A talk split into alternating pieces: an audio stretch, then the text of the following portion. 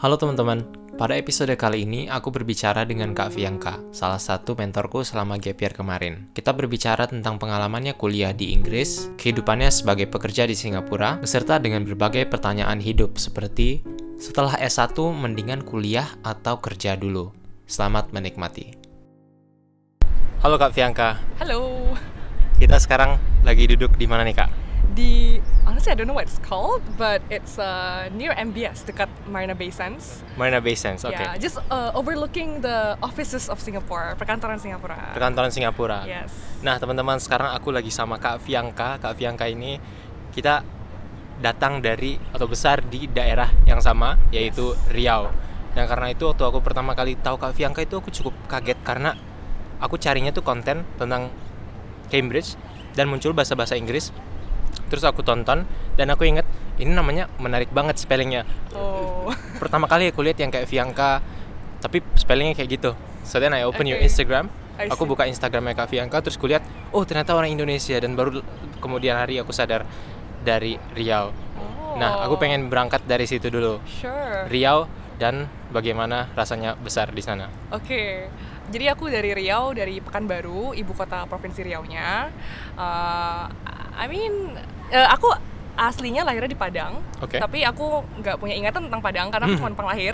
Uh, jadi dari kecil emang aku gedenya uh, dari kecil sampai aku SMA itu di Pekanbaru seumur hidup aku. Wow. Um, mungkin kalau pengalaman it's lumayan menarik karena Riau kan lumayan apa ya uh, uh, kota budaya Melayu. Iya. Jadi aku tuh tumbuh besar dengan budaya itu Hmm. dan kemudian uh, background aku aku Chinese Indonesian. Oke. Uh, jadi dari ba- ba- background Tionghoa dan aku perginya ke sekolah Katolik gitu. Jadi Oke. aku tuh tumbuh gede tuh banyak uh, banyak influence budaya-budaya dari berbagai macam sisi Mhm. dan kayaknya waktu aku mulai kuliah baru aku ngerasa kayak itu tuh precious banget karena ketika kamu tumbuh besar di keadaan ke keadaan seperti itu kamu nggak ngerasa itu spesial kamu ngerasa it's just my day to day it's my Hmm. normal gitu Hmm. kan ketika aku kuliah keluar kemudian aku ngerasa kayak oh em, banyak mungkin teman-teman aku yang dari kota Hmm. lain yang mungkin lebih uh, develop atau mungkin lebih Yeah. ke metropolitan mungkin Hmm. nggak punya pengalaman yang se diverse aku gitu waktu aku di Pekanbaru Hmm. jadi sebenarnya kalau bisa dibilang ya it's uh, pengalamannya nyaman-nyaman aja dan lumayan menarik karena uh, se- setelah aku udah nggak di situ gitu. Baru Oke. bisa ngelihat ke belakang dan kayak oh actually it's pretty interesting gitu. Hmm. Ya. Karena kalau aku coba ngelihat ke masa SMA aku, sekolahku di Riau, itu aku cenderung punya mentalitas yang kayak defeatist pada awalnya. Jadi kayak Oh. karena tinggal di Riau gitu pasti udah otomatis kalah saing gitu. Jadi tiap kali ikut lomba-lomba Ah. nasional terus lihat orang lain dari Jawa Barat, Jawa Tengah, Ya. J- DKI Jakarta, "Oh, ini pasti mereka yang menang gitu. Jadi udah Oke. datang ke mana-mana dengan mentalitas kayak gitu duluan. Oke. Tapi menarik. ternyata kalau Kak Fianka abis pindah baru sadar di Pekanbaru itu rasanya spesial. Iya, tapi now that you say that, Hmm. kamu udah ngomong gitu, Iya. aku bisa flashback karena oke, Oh, iya, konteks iya. aku udah Oh. nggak tinggal di Pekanbaru udah lama, udah kayak li- lebih dari enam tahun. Jadi uh, oke, mungkin nggak terlalu lama, tapi Keluarga masih di sana? keluarga masih tuh ya orang tua aku masih di situ. Oke. Um, tapi ketika kamu ngomong itu dalam konteks pendidikan, Hmm. I, I I feel you karena aku ngerasa waktu aku uh, ikut lomba kan paling oke buat aku lomba yang aku ikuti paling top adalah kayak seprovinsi gitu kayak sama Hmm. teman-teman dari sekolah lain di Riau dan uh, ketika aku pertama kalinya harus terbang ke Jakarta untuk uh, ngambil waktu itu aku mau kul aku pengen banget secondary school uh, SMP SMA gitu di Singapura waktu itu Uh, dan aku tuh sempat apply ke namanya ASEAN Scholarship Ya. jadi ini uh, beasiswa yang lumayan terkenal untuk anak-anak yang mau secondary school di Singapura. Aku harus terbang ke Jakarta untuk ngambil tesnya karena nggak bisa di Pekanbaru tesnya. Oh iya. Uh, ketika aku ke situ dan aku ngelihat kayak teman-teman yang lain gitu Iya. dari sekolah-sekolah yang lebih ternama, Iya. uh, di situ mereka dengan coach. Wow. Di situ aku ngerasa kayak wow, beda Pertama level ya? gitu. Iya, pertama kali nyadar kalau oh ternyata yang aku kira aku di sekolah selama ini kayak udah lumayan oke, uh, lumayan kayak ada ranking apa ikutan lomba ini segala Iya. macam. Nggak ada nggak ada bandingannya kalau sama teman-teman yang mungkin di Jawa gitu. Jadi I can Hmm. understand when you say uh, oh kamu ngerasa kayak udah defeated dulu ketika tahu lawan mainnya itu adalah anak-anak Jawa gitu. Iya. Oke. Tapi aku jadi sadar salah satu yang menurutku bagusnya aku tinggal atau besarnya di Riau atau di Duri itu karena kayak masih banyak yang kosong alias kayak masih banyak Oh. yang kurang jadinya mungkin competitive advantage-nya jadi ada maksudnya kayak Hmm. standarnya bagiku untuk kayak Excel itu lebih lebih rendah daripada kayak yang udah di kota-kota besar Ya. jadi mungkin karena itu makanya misalnya ada guru yang notice oh aku bahasa Inggrisnya sedikit lebih bagus nih jadi Hmm. diambil atau ini lebih Ya. sedikit ini threshold itunya lebih rendah Benar, gitu ya. jadi itu yang menurutku You stand out more easily I think. Hmm. Ya. Tapi itu pas akhirnya kayak kuliah Hmm. di UK dan kemudian kayak di Cambridge sama teman-teman internasional itu kerasa nggak sih bedanya kita yang dari daerah sama kita yang dari kota besar gitu? Mungkin aku ngerasanya lebih waktu aku mulai eh, S1. Mungkin sebagai konteks, aku dari S1 udah kuliah keluar. Hmm. Jadi memang em, pengalaman dan aku S1-nya bukan di Cambridge guys, di kota lain namanya Yeah. Coventry. Eh, itu lumayan internasional. Jadi 80%, 80% dari studentnya adalah anak internasional. Oke. Uh, aku pertama ngerasa di situ lebih ke kayak aku kan ngambil kuliah ekonomi, Hmm. tapi aku nggak punya background ekonomi sama Iya. sekali. Aku SMA ngambil IPA. Eh sorry, ya ngambil IPA. Hmm. Sorry, ada mus- eh, ada sound. Tapi um, aku ngerasa banget ketika di situ dan melihat teman-teman lain yang Ya. pendidikan internasional, mereka tuh enggak terkungkung IPA atau IPS. Hmm. Jadi mungkin aku ada teman yang uh, A level atau apa Iya. ngambilnya ada ngambil ekonomi, ada ngambil juga uh, pendidikan yang lain kayak misalnya uh, matematikanya yang kalau misalnya di kita kan harus matematikanya kalau mau yang deeper kayak matematika perminatan gitu tuh harus kayak anak IPA yang ngambil. Sedangkan mereka tuh punya deeper math walaupun mereka mungkin bisa ngambil juga ekonomi atau Hmm. geografi gitu dan mereka bisa punya kombinasi itu dengan misalkan fisika. Jadi kayak itu yang kita dulu nggak punya lebih keterkungkungkan antara IPA atau IPS. Jadi waktu aku di situ baru nyadar gitu kayak oh aku tuh harus mulai dari nol lagi gitu Iya. untuk belajar. Tapi eh, mungkin merasa seperti itu cuma beberapa bulan pertama. Hmm. Setelah itu aku ngerasa banget kalau di kuliah itu kamu mulai dari eh, kira-kira tempat yang sama gitu. Kita sesa- sesama cluelessnya itu tentang apa yang kita pelajari dan it doesn't matter kamu datang dari eh, background pendidikan seperti apa. Jadi waktu aku di kelas eh, malah itu jadi dorongan buat aku sih karena aku ngerasa Hmm. oh there's a chance buat aku ada, ada opportunity buat aku untuk benar-benar bisa shine through Yeah. as long as I put the effort selama aku bekerja keras buat itu Oke. jadi ya mungkin kalau to, to answer your question menjawab pertanyaan kamu lebih kerasa di awal doang Hmm. Uh, mungkin beberapa bulan setelah itu udah kayak oke uh, I make my own game gitu Ya, I Hmm. create my own game and I I will hopefully bisa uh, win my own game gitu Oke. ya, Tapi kan tadi katanya pas kayak sama orang-orang di kota gitu, katakan mereka sama coach. ya Nah, yang di daerah kemarin Kak Fianka itu Bener. gimana prepnya sendiri sendiri? Iya. Itu cari-cari materinya itu gimana? Jadi uh, online, nyari-nyari Iya. online. Terus kalau enggak uh, ada beberapa guru yang mungkin kayak guru les Iya. yang udah pernah ngajarin anak-anak olimpiade yang memang sampai ke nasional. Nah, Oh. aku nyari guru-guru kayak gitu. Dan ini semua Oke, dari oke. word of mouth harus nyari-nyari ke, ke orang gitu kayak oh tahu nggak ada guru yang pernah training nge, pada pernah pelatihan anak-anak olimpiade. Oke. Ya. Berarti emang lebih harus inisiatif ya. Betul. Dan sekarang Hmm. Kak Fianka tinggal dan kerja di Singapura. Benar. Tapi aku tahu jalannya ke sini nggak mudah. Dan itu juga sempat dibicarain di di Instagramnya Kak Fianka yang sering Iya, aku iya. lihat. Nah itu ada beberapa teman-teman yang nanya atau punya pertanyaan titipan juga soal itu karena ngikutin Kak Fianka juga Hmm. dan pengen tahu bagi mereka yang ada di posisi yang sama itu gimana. Tapi mungkin untuk backgroundnya kita bisa jelasin dulu kan dari eh, yang aku maksud ini ceritanya apa. Aku pengen Kak Fianka coba cerita sendiri.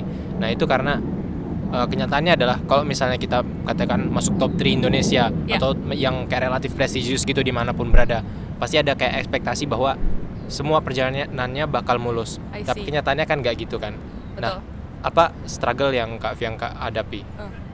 Oke, jadi mungkin konteks dan timeline. Uh, Hmm. Aku tuh S1 4 tahun di. UK, kemudian aku langsung lanjut ke S2 Hmm. uh, di Cambridge waktu itu juga di UK.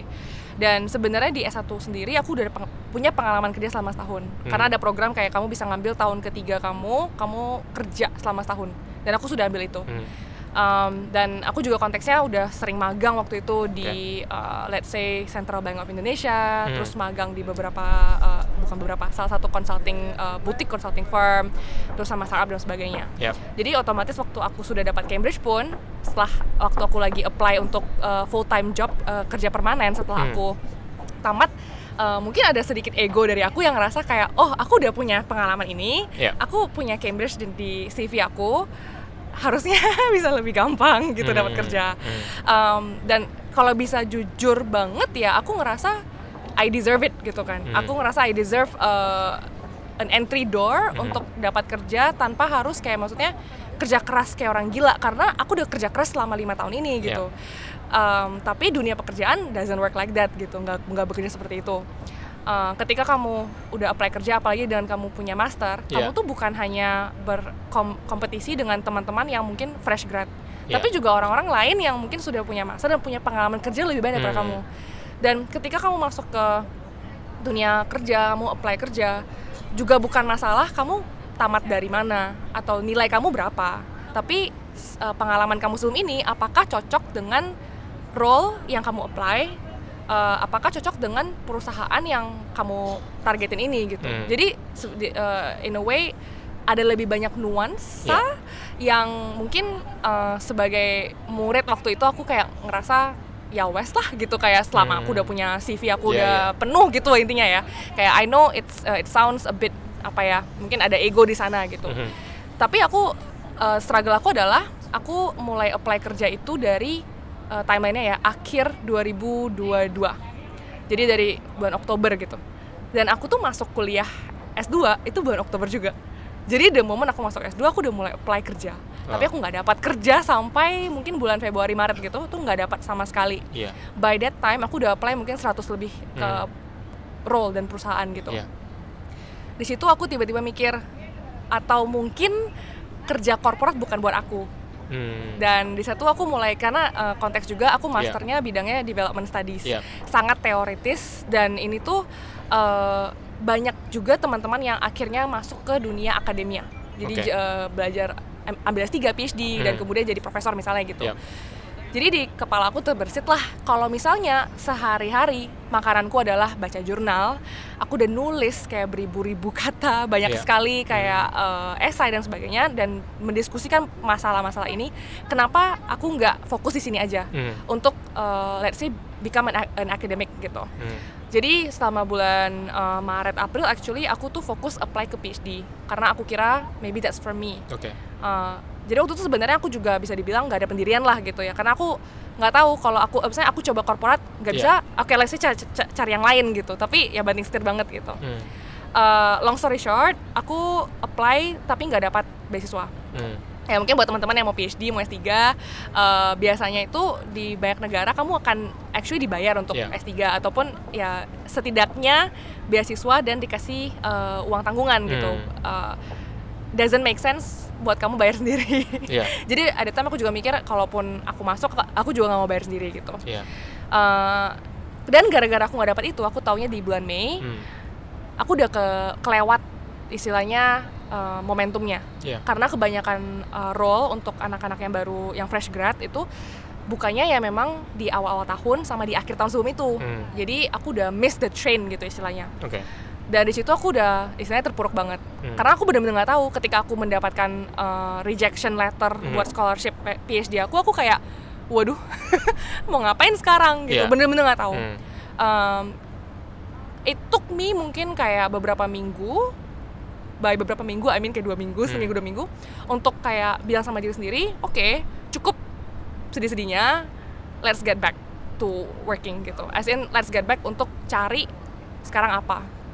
Di situ aku baru mulai apply kerja lagi, tapi Oke. emang susah karena yang aku apply sekarang tuh udah eh, pekerjaan yang lebih spesialis gitu ya. Istilahnya yang lebih oh, mereka nyarinya orang yang udah punya pengalaman setahun Hmm. dua tahun dan aku harus somehow dengan CV aku ya bikin cerita kan kalau misalkan oh aku udah eh, sempat kerja ini ini ini dan make a story in my cover letter in a sense kalau aku udah pernah ini semua Oke. mungkin bukan kayak full time full 2 tahun tapi mungkin digabung-gabungin tuh ada dua tahun gitu Iya. Um, dan of course ini bukan yang mereka cari dan semua yang aku usahain itu juga akhirnya nggak dapat apa-apa. Sam ini terlanjut sampai bulan Juni Juli gitu. Oke. Tapi ini mau aku mau klarifikasi dulu. ya. Atau mau nanyain konteks sebenarnya. ya. Tadi jadi ini pas mau ini pas mau S2 atau pas mau S3 oh sorry kayak ini pas udah selesai S2 pas udah selesai udah S2 mau selesai S2 ya. Jadi kayak sambil nunggu hasil S3 gitu sambil nyari kerja juga nah benar jadi tadinya tuh S3 tuh nggak ada di kepalaku Aha, aku kan apply kerja nih oke Terus tiba-tiba karena nggak dapat kerja sama sekali, aku Hmm. mikir oh apakah akademia jalanku? Akhirnya Iya. aku ap- apply lah ke S3 Oke. tapi S3-nya juga kemudian nggak dapat beasiswa Oke. balik lagi apply ke korporat Oke. gitu ya Hmm, tapi tadi Kak Fianka sempat nyebut salah satu yang beratnya itu pas kita keluar dari S2 Hmm, itu adalah karena orang yang mau nyari kerjanya bukan cuma fresh grad benar tapi juga orang yang S2 dan udah ada pengalaman kerja. betul Nah, ini cukup menarik sama aku karena salah satu pertanyaan yang sering ditanyain orang adalah habis S1 kerja dulu atau langsung studi. Nah, Oh. dengan adanya pengalaman itu Ya. dan pengetahuan kayak gini Oke. in hindsight, kalau Ya. misalnya bisa kayak ngulang waktu lagi, Oke. kira-kira bakal milih jalan yang sama atau milih kerja dulu atau gimana? Oke, aku akan jawab ini singkat. Nanti aku jelasin di belakang Oke, kenapa. Oke, Tapi aku akan kerja dulu. kerja dulu. Oke. Ya. Aku akan jelasin nanti kenapa. Oke, Makanya guys semoga kan harus dengerin. Oke, Oke, oke. aku oke. selesaiin bagian struggle Oke, ya. oke. Hmm. Jadi kan aku balik lagi nih apply ke Sip. perusahaan dan segala, segala macam eh, sampai Juli gitu, aku masih nggak dapat apa-apa. Aku udah waktu itu mikir awalnya idealis ya, aku mau Iya. kerja di UK pokoknya, kayak nggak mau pulang. Ah, Sampai bulan Juli udah karena nggak dapat apa-apa sama sekali, aku mikir ya udahlah apa pun yang apa pun yang ada, yang penting aku kerja. Iya. Karena aku nggak mau nganggur. Em, aku mulai juga apply ke Indo waktu itu, dan Hmm. aku sempat terbang ke Jakarta buat interview juga buat untuk interview di beberapa. Jakarta. ya. Oke. Uh, dan waktu itu uh, buat konteks juga teman-teman kita kan di UK kuliah itu ada visa pelajar visa Hmm. pelajar itu ada date, uh, expiry date-nya dan kadaluarsanya visa pelajar aku itu waktu itu di bulan Agustus akhir Agustus jadi kalau misalkan aku mau stay aku harus perpanjang namanya graduate work visa itu Iya. buat 2 tahun tapi bayar sendiri dan ya istilahnya itu memperbolehkan aku buat tinggal di UK dan cari kerja di UK Hmm. tapi no income jadi aku harus bergantung sama uang sendiri gitu kan Oke. Eh, pendek cerita di bulan Juli aku memutuskan waktu itu juga itu kebetulan wisuda aku Ya. memutuskan let's pack up let's close the UK chapter Oke. kayak it doesn't make sense nggak masuk akal buat aku stay di UK bayar Ya. uang segitu banyak dan aku jujur nggak ada uangnya juga buat stay kalau aku nggak ada kerja eh, Mhm. pekerjaan Ya. Ya udah akhirnya waktu itu bulan Agustus tanpa tahu menahu tentang uh, apakah aku akan kerja di Indo atau aku, aku akan kerja di Singapura atau bahkan dapat kerja at all aku pokoknya leave the UK Oke. dan perjuangan berikutnya adalah uh, bagaimana aku mendapatkan pekerjaan. Uh, again long story short ini ceritanya panjang banget tapi intinya uh, aku mendapatkan visa 6 bulan buat kerja di Singapura.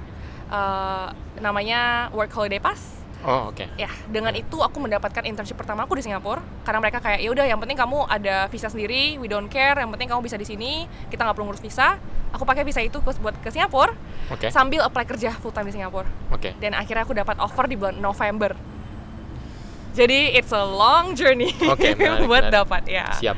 gitu itu struggle Oke. Nah, sekarang ada dua pilihan nih. Oke Kita mau ngobrol tentang live di Singapura atau mau jawab tadi dulu pertanyaan? oke kita tutup dengan jawab pertanyaan tadi ya Oke. Jadi ulang lagi pertanyaannya. Eh, pertanyaannya adalah dengan pengalaman yang ada sekarang, apakah Kak Fianka bakal milih habis S1 langsung kuliah S2 atau habis S1 kerja dulu?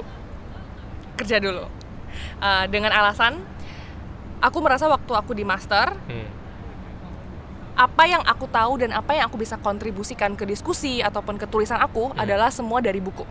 Dari apa yang aku baca, Iya. apa yang aku dengar dari orang, dan mungkin beberapa pengalaman magang. Hmm. Tapi itu nggak cukup buat punya a full picture of what's happening. Terutama ketika kamu uh, atau mungkin dalam konteks aku, aku belajar development study, studi pembangunan.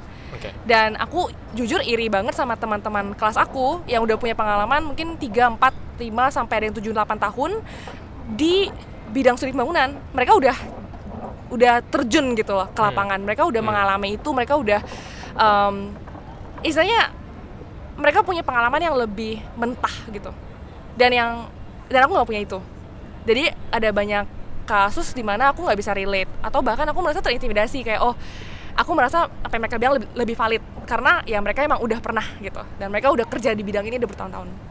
Eh, mungkin itu satu sisi adalah persepsi aja, tapi menurut aku tetap punya pengalaman kerja memposisikan kamu lebih baik di kelas dan di kemudian hari setelah kamu selesai dari S2 itu, kamu mau apa itu menurut aku lebih ada jalurnya. Karena ketika misalnya aku dari S1 langsung S2, aku eh, lebih ke oke, menurut aku kerja di bidang development adalah apa yang aku mau. Tapi Hmm. aku nggak pernah punya pengalaman kerja di situ. Aku nggak pernah ada konteks gitu. Iya. Aku hanya tahu ya again dari apa yang aku baca. Jadi eh, bisa dibilang aku lebih fokus ke teori daripada praktiknya sendiri. Eh, makanya aku ngerasa selama aku di S2 kurang maksimal aja sih.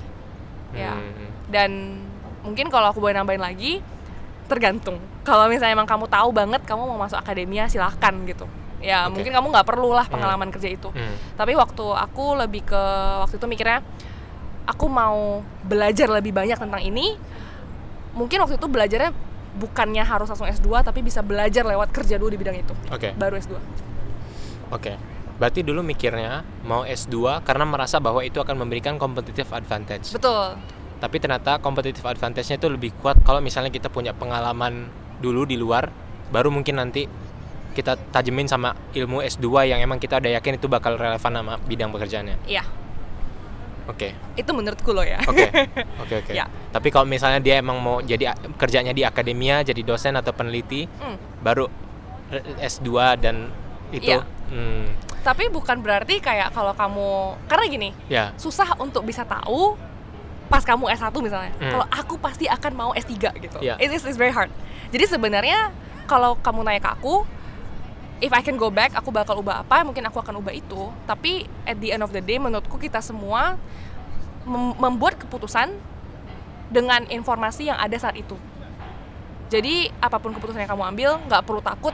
Aduh gimana nanti kalau misalnya aku ternyata Iya. nggak mau ini gitu. Tapi ya kamu ambil keputusan, kamu jalani, kamu konsekuen.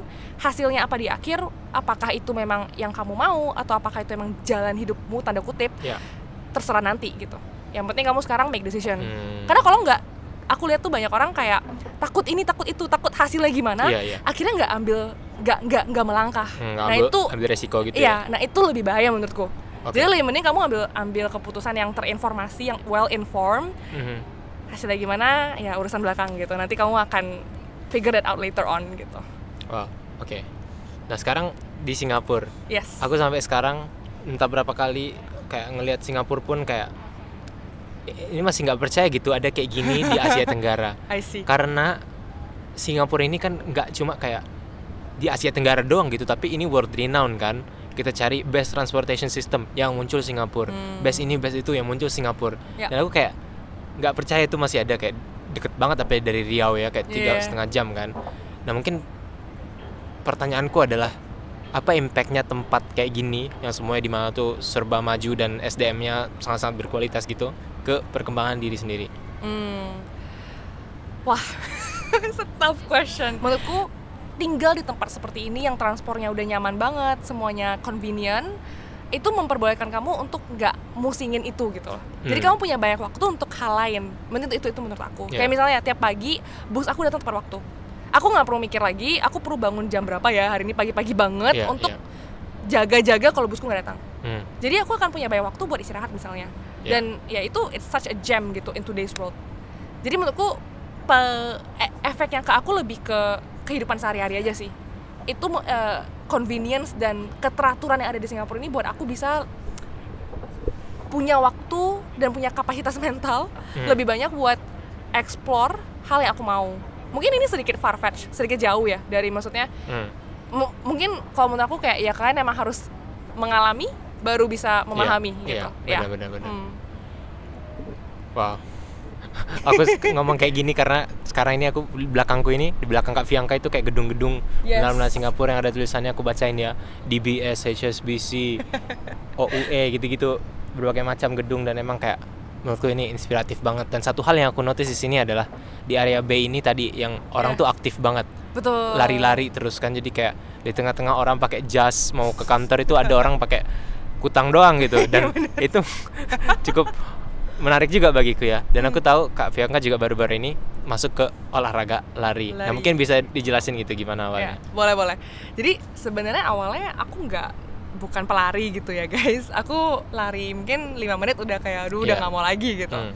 Uh, mungkin aku lebih ke terinspirasi sih Ya. karena ketika aku di sini misalnya jalan-jalan dekat Hmm. mall aja Hmm. gitu saking bagusnya juga infrastrukturnya uh, di mana-mana tuh orang bisa lari jadi aku pak pokoknya ke mana pun itu aku aku aku akan selalu melihat orang olahraga dan kebanyakan tuh udah lari dan kadang-kadang tuh bisa ngeliat orang-orang udah, udah lumayan tua juga lari gitu dan itu membuat aku mikir oh aku pengen bisa jaga kesehatan aku jaga Hmm. tubuh aku seperti orang-orang ini gitu dan ketika aku mikir misalnya dulu ya kalau mau lari aduh too much time gitu kayak aku harus larinya iya nanti ganti apa ganti bajunya apa beres-beresnya apa segala macam kayak it takes too much time tapi ketika aku melihat misalnya kolega-kolega aku yang juga pagi-pagi gitu masuk kantor setelah cycling gitu setelah bersepeda aku jadi mikir ya ini ujung-ujungnya kamu mau make time Yeah. mau menyisihkan waktu apa enggak gitu dan ya aku mulainya juga dari yang kecil. Kayak misalnya I start small.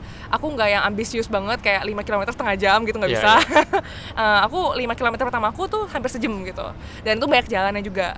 Tapi aku lebih ke konsisten. Karena waktu Hmm. itu eh, aku mulai lari itu di akhir tahun lalu. Jadi Desember 2022 Eh, Januarinya itu aku sign up buat race Oke.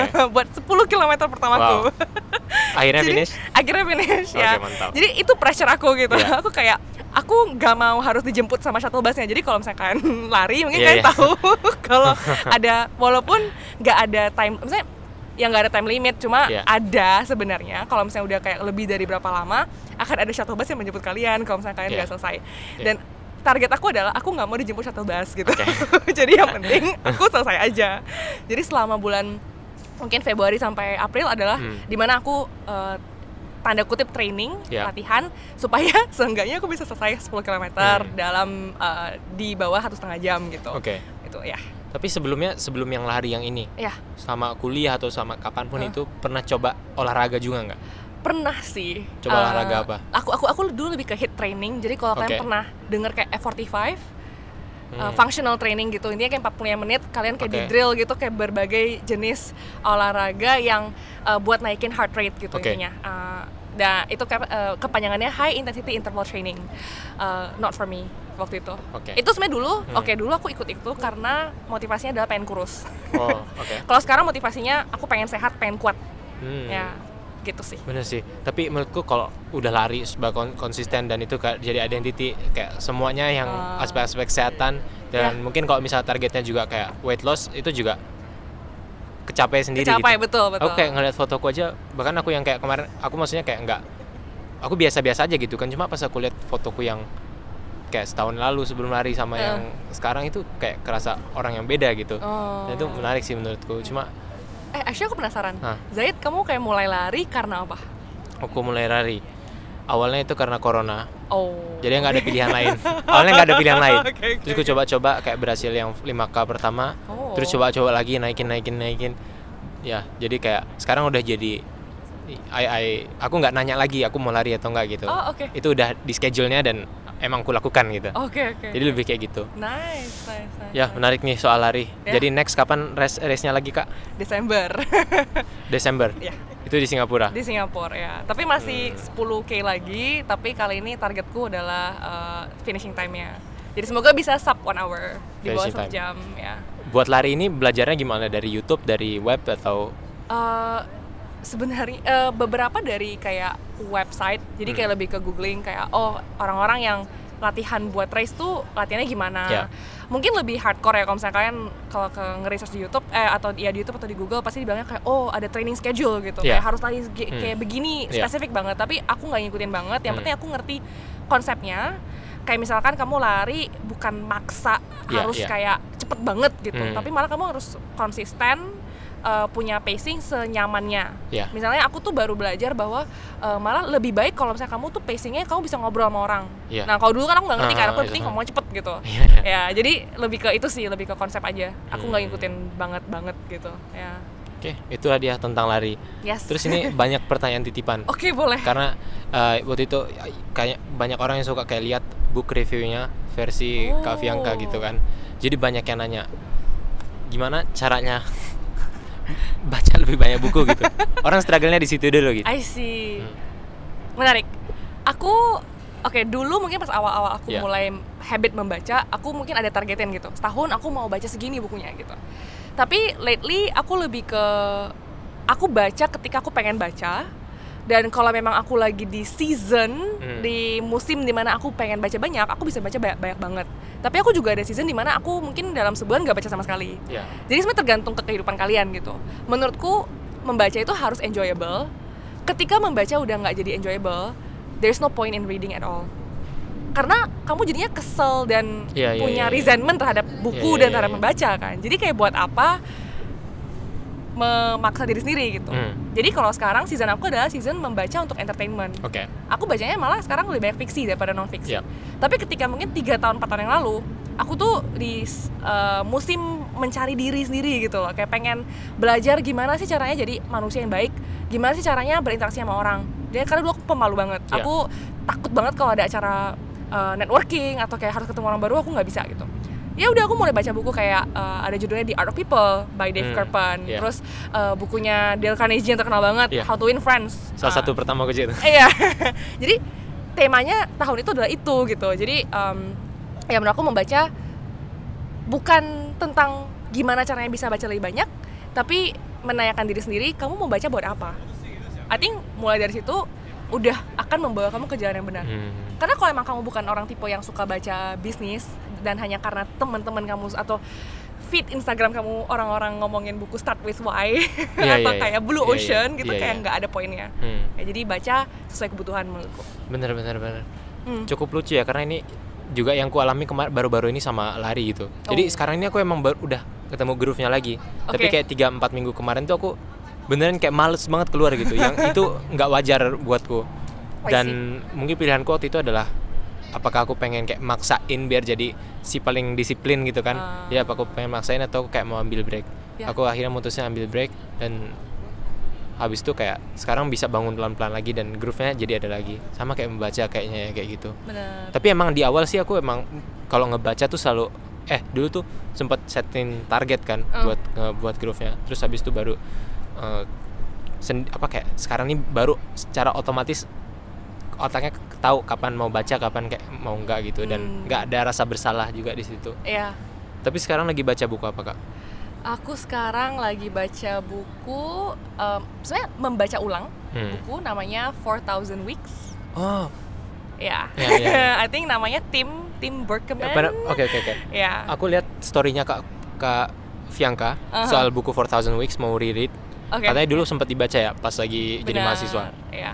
Nah, ini menarik karena ini juga aku baru selesai baca bukunya dan itu salah satu Oh. buku yang kayak kalau dibaca pertama kali itu kayak dus dus dus, dus, Iya. kayak neuron-neuronnya tuh nem- Benar. nembak di kepala gitu kan. Iya, iya, iya. Oke, aku penasaran mungkin kita bisa diskusi lebih jauh tentang buku ini. Mungkin Hmm. aku Konteksnya. ya. Itu buku kayak apa, Kak? 4000 Weeks itu buku tentang apa? Oke, jadi kenapa judulnya 4000 Weeks dari situ dulu ya? Oke. Uh, jadi intinya adalah konteksnya adalah rata-rata kita sebagai manusia tuh punya 4000 minggu untuk hidup yang ada sekitar 60 tahun kalau nggak salah di bukunya. Oke. Oke, matematika aku nggak jalan sekarang tapi kira-kira segitulah ya Oke. guys. Um, dan istilahnya sebagai mortal, sorry guys, ada background sound lagi.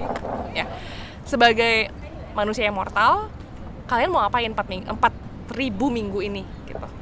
Karena mungkin konteks ketika kita kita bilang oke kamu hidup rata-rata sampai 68 tahun apa segala macam kayak angka itu mungkin gak register di kita. Iya. Tapi ketika aku baca 4000 minggu gitu, mungkin seminggu itu lebih kerasa dekat ya ke hati gitu. Iya. Jadi ketika aku membaca, hah aku hanya punya waktu 4000 kali hari Minggu, agak oh kayak itu membuat aku berhenti dan mikir. Dan menurut aku itu purpose dari buku ini adalah untuk bikin kita mikir, kita mau ngapain di hidup kita dan apalagi dengan sekarang di mana orang-orang semuanya yang kayak oh you have to kayak work really hard kayak grind and everything Yeah. dengan kayak tiap hari tuh kayaknya harusnya produktif banget gitu kayak Hmm. sebenarnya buat apa sih gitu Ya. Nah itu sih yang eh, konteks eh, apa ya? Konteks buku inilah gitu dari mana dia datang. Hmm. Ya. Oke. Itu aku nggak ngambil catatan sih. Aku baca yang kayak versi digitalnya kan jadi Oh. kayak set kayak mau tidur ku set mungkin highlight highlight tapi aku ingat konsep-konsep besarnya beberapa. Hmm. Tapi yang aku lihat dari Kak Fianka tuh itu kayaknya salah satu buku yang di deep dive ya atau emang setiap buku yang dibaca dicatat-catat gitu. Kalau menarik aku catat. Nah, dicatat oke. Iya, iya, Nah, iya. itu aku kayak ngelihat salah satunya. Aku Hmm. penasaran mungkin kayak apa yang paling nempel gitu dari bukunya. Paling nempel ya. Nah sebenarnya mungkin alasan aku baca ulang karena aku udah agak lupa Hmm, isi oke. bukunya apa. Tapi aku ingat bagaimana buku itu membuat aku merasa how it made me feel Oke. when I read it. I think buat buku tuh kebayangan aku ingatnya aku ngerasa apa ketika baca. Hmm. Dan aku baca itu ketika aku lagi sibuk-sibuknya kuliah master. Oke. Aku waktu itu konteksnya lagi part time kerja juga di startup. Dan aku juga waktu itu uh, lumayan mencoba aktif di YouTube aku juga punya my non profit uh, Wow. gardening waktu Wow. itu Wow. jadi dan aku juga waktu itu uh, kerja juga di Wiwi dan Hmm. intinya waktu itu hektik banget hidup aku kayak aku sehari kalender aku tuh penuh nggak ada waktu buat hal lain Wow. makan itu ya udah kayak mekanikal gitu Mechanical. Hid- eh, tidur apa segala macam mekanikal yang penting aku tidur karena aku emang harus tidur aja gitu Iya. mungkin kalau aku nggak butuh tidur aku bisa kayak push on Iya. dan ya itu nggak Wow. sehat lah gitu Iya, iya. Jadi waktu aku baca buku ini I remember it made me feel kayak rubbish about myself. Kayak iya ya gue ngapain kayak gini sih? Gitu kayak semua waktu ini kamu pakai untuk kerjain hal itu ya memang sih kayak maksudnya aku bukan ngerjain karena terpaksa juga ya emang karena aku mau. Tapi buat apa gitu? Ketika kamu bahkan nggak punya waktu buat diri sendiri Iya, iya, iya. buat istirahat eh, kamu hanya istilahnya waktu itu itu buku membuat aku sadar kenapa aku ngerjain semua hal ini dan sampai nggak ada waktu buat hal lain Iya.